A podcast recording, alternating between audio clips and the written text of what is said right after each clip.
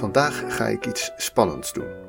Ik ga iets vertellen dat met managementtheorie en bedrijfskunde te maken heeft. Daar heb ik weinig verstand van.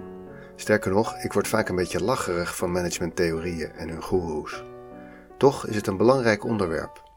Bijna iedereen in onze maatschappij vormt onderdeel van een organisatie en heeft te maken met de oplossingen die managementtheoretici de afgelopen 200 jaar hebben uitgestort over de wereld. En als medewerker in een organisatie moeten de meesten van ons misschien maar blij zijn met de veranderingen in het managementdenken over die 200 jaar. En op zich zijn het nobele doelen die de managementleer zich stelt. Hoe kunnen we iedereen in een organisatie zo waardevol mogelijk laten worden? Hoe zorg je dat iedereen doet waar zij het beste in is? Het onderwerp van vandaag heb je vast al eens horen noemen, want het is een populair onderwerp bij de borrel.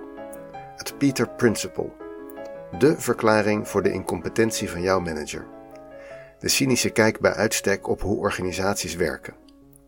Maar zit er meer in dat principe? Is inderdaad iedereen op zijn vijftigste wel aangeland op een plek waar hij niet meer voldoet, maar ook niet meer ontslagen kan worden? Hier is, nooit geweten, aflevering 39.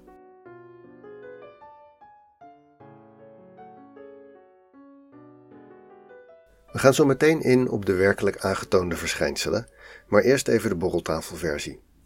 Het Peter Principle beweert dat iedereen in een hiërarchische organisatie die goed presteert, wordt gepromoveerd naar steeds moeilijker taken, totdat je op een niveau komt waar je het niet meer aan kunt, waar je incompetent bent voor de functie. Daarna blijf je op die plek zitten. Het gevolg daarvan is dat vrijwel iedere medewerker boven een bepaalde leeftijd terecht is gekomen op een plek waar hij eigenlijk niet goed genoeg is voor wat de functie vraagt. En het betekent ook dat bijna iedereen een incompetente manager heeft. Als ze competent was, was ze inmiddels wel gepromoveerd naar een niveau waar ze wel incompetent was. Je kunt wel zien waarom dit verhaal het zo goed doet bij de vrijdagmiddagborrel.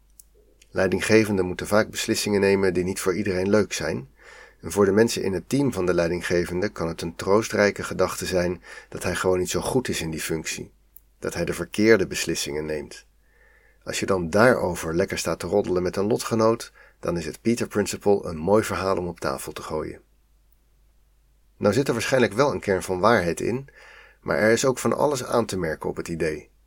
Zo is het beeld van een hiërarchische organisatie waarin iedere hogere positie een beetje moeilijker is dan die daaronder, dat is misschien een beetje ouderwets. En een organisatie kan ook andere oplossingen verzinnen voor een matig functionerende manager dan hem maar te laten zitten. Maar laten we eens kijken wat de oorspronkelijke research van professor Peter was, want die bestond wel echt en wat daarvan door bewijzen ondersteund wordt.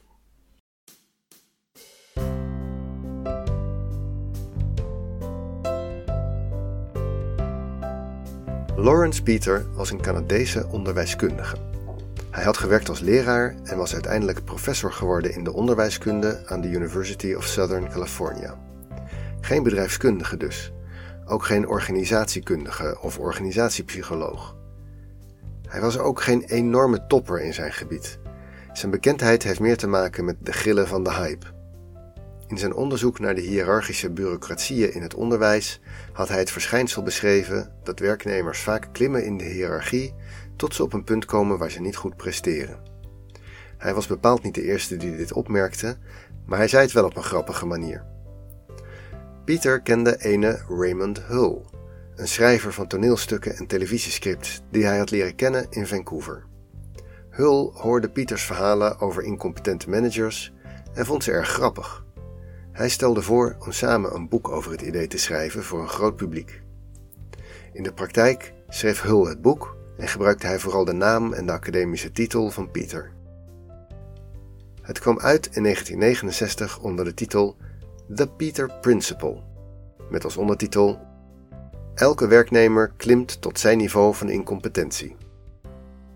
Tot ieders verrassing raakte het boek een gevoelige snaar en werd het een bestseller. Peter en Hull hebben later vaak verklaard dat het boek bedoeld was geweest als grap en als satire, maar daarvoor was het te laat. Te veel mensen vonden het herkenbaar en wilden maar wat graag geloven dat het een wetenschappelijke basis had. En zo werd het Peter Principle onderdeel van onze cultuur. Een beetje zoals de wet van Murphy. In een wat vereenvoudigde vorm natuurlijk. Oorspronkelijk stelde Peter niet dat werknemers na iedere promotie op een hoger niveau moesten presteren, maar dat hun nieuwe functie andere vaardigheden vereiste. Zoals bijvoorbeeld een docent die heel goed les geeft, kan worden gepromoveerd tot conrector. Daar kan ze dan falen, maar niet omdat je als conrector nog beter les moet kunnen geven, maar omdat je andere dingen moet kunnen.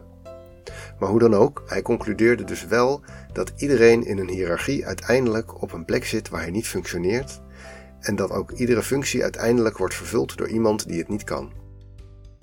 Je kan daar natuurlijk cynisch om lachen en je schouders ophalen, maar er zijn ook wel pogingen geweest om iets te doen aan Peters principe. Bijvoorbeeld het concept up or out.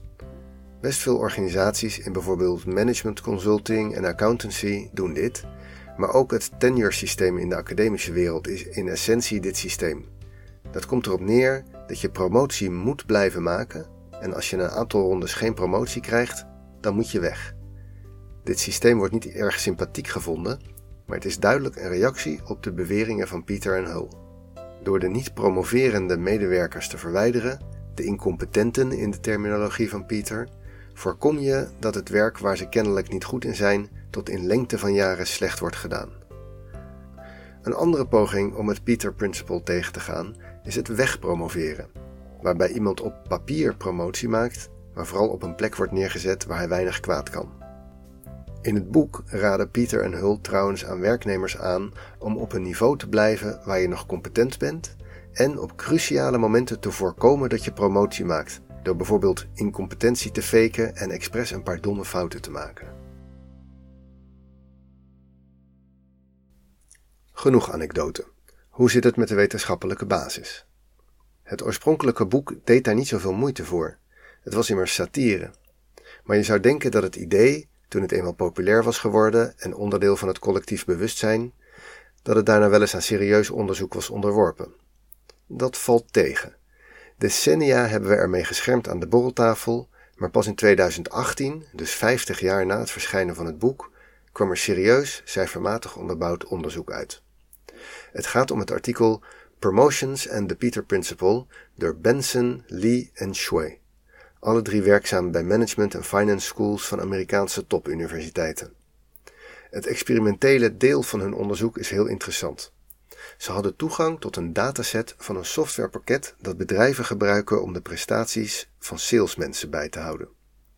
Daardoor hadden ze gegevens over salesmedewerkers in 214 verschillende firma's en de organisatiestructuur en de veranderingen daarin. Salesfuncties zijn de perfecte groep om te onderzoeken, want de kwaliteit van een salesmedewerker is heel makkelijk te meten. Hoe meer ze verkopen, hoe beter. En het is ook een interessante groep qua Peter Principle, omdat we weten dat een manager van verkopers heel andere kwaliteiten nodig heeft dan die verkopers zelf. Het wordt vaak als voorbeeld gebruikt van Peters Principle. De topverkoper wordt na haar promotie nu eenmaal vaak geen topmanager. De kwaliteit van een manager bepalen is natuurlijk veel lastiger. Maar ook dat is bij verkopers relatief goed te doen. Er werd gekeken naar de toegevoegde waarde van de manager. Ze proberen dan te bepalen welk deel van de verkoop van de leden van haar team kan worden toegeschreven aan invloed van de manager. Ze vergelijken dan de omzet van dezelfde verkopers voor en nadat ze in dat team kwamen. Ze proberen seizoensinvloeden eruit te halen enzovoort. De conclusies. Een belangrijke eerste conclusie was dat er veel verschil zit tussen verkopers. Je vindt ongeveer de 80-20 regel. 20% van de verkopers doet 80% van de omzet binnen een firma of team. Sommige mensen zijn daar gewoon echt heel goed in. En wat ze ook vonden was een sterke positieve correlatie tussen de verkoopkwaliteiten en de kansen promotie. Dus inderdaad, bedrijven geven hun beste verkopers promotie naar een managementpositie. Dit is op zichzelf nog geen bevestiging van Peters Principle. Het zou kunnen dat die topverkopers ook als manager van verkopers het meeste uit hun mensen weten te halen. Helaas. Ook daar vonden ze een duidelijke bevestiging van het principe. De kwaliteit van een manager correleert duidelijk negatief met zijn kwaliteiten als verkoper in de functie daarvoor. Oftewel, topverkopers zijn meestal geen goede managers. Je zou dus kunnen concluderen dat het Peter Principle gewoon klopt. Hierarchische organisaties snappen er gewoon niets van en zetten structureel de verkeerde mensen op die plekken. Haha, domme bedrijven, altijd al gezegd. Maar nu komt de catch. Zo simpel is het nou ook weer niet. Er werd nog een kenmerk gedestilleerd uit de dataset. De onderzoekers hadden de hypothese dat de eigenschap die je als manager nodig hebt en die topverkopers niet noodzakelijkerwijs hebben, dat die iets met menselijke interactie en samenwerken te maken zou hebben. Ze probeerden uit de dataset de verkopers te vissen die deze kwaliteiten wel leken te hebben. Door te kijken welke verkopers vaak deals scoorden samen met anderen. Dat kon je ook in het systeem zien. Zo'n samenwerking is natuurlijk ingewikkelder en je moet elkaar er ook voor vertrouwen, maar voor grote verkoopdeals is samenwerken soms wel nodig. En wat bleek? Goede samenwerkers werden niet vaker gepromoveerd tot manager, maar als ze manager werden, hadden ze inderdaad meer succes in die rol. Dan functioneerde hun team beter dan gemiddeld. Weer een teken dat organisaties het gewoon verkeerd aanpakken. Ze promoveren de verkeerde mensen en zouden gewoon moeten selecteren op wat je nodig hebt voor de nieuwe rol, niet op wie het het beste deed in zijn oude rol. Sukkels. Maar nu komt het. Organisaties zijn namelijk helemaal niet achterlijk. Promoties zijn er namelijk niet alleen om een vrije managementpositie in te vullen. Ze zijn er ook als een soort hoofdprijs in de toekomst. Een beloning voor goed en hard werken. Naast dat je nu een bonus verdient of misschien salarisverhoging krijgt, is de mogelijkheid voor promotie de grote worst die gloort aan de finish. Wetenschappers noemen dit het tournament incentive, oftewel de toernooibeloning. Als jij het toernooi wint, dan krijg je de hoofdprijs. En daarom werken die verkopers zich allemaal het schompes. En ook dat kon je zien in de data. Organisaties die vaak mensen promoveren die goed lijken te kunnen samenwerken, die hebben overal niet betere verkoopcijfers. Als je voor promotie andere dingen moet laten zien dan veel verkopen, dan gaan verkopers ook niet meer zo hun best doen om veel te verkopen. Zo zijn verkopers. En organisaties hebben dit heel goed door. Dus ze bevorderen bewust mensen waarvan ze niet zeker zijn of ze een goede manager zullen blijken, want ze willen die toernooibeloning niet kwijt. Je kan ook zien dat organisaties waar het hebben van goede managers meer verschil maakt, bijvoorbeeld omdat de teams erg groot zijn, dat in die organisaties vaker de samenwerkers promotie maken, terwijl in organisaties waar je manager wordt van maar een paar mensen, zodat je ook niet zo heel veel schade kan aanrichten als matige manager, daar promoveren ze bij voorkeur gewoon de beste verkoper. Zo gaat het nou altijd. Heb je een leuk verhaal voor bij de borrel? Blijkt het allemaal weer net wat ingewikkelder en genuanceerder te liggen. En dan hebben we het nog niet eens gehad over het feit dat wat heel goed werkt voor verkopers misschien helemaal niet werkt voor leraren of ingenieurs. Hoe dan ook, de volgende keer dat je een manager krijgt waarvan je denkt: zal mij verbazen als hij dat blijkt te kunnen? Bedenk dan in wat een lastige positie de manager daar weer boven zit. Hij doet dit niet om de beste manager te krijgen, maar om jou te motiveren.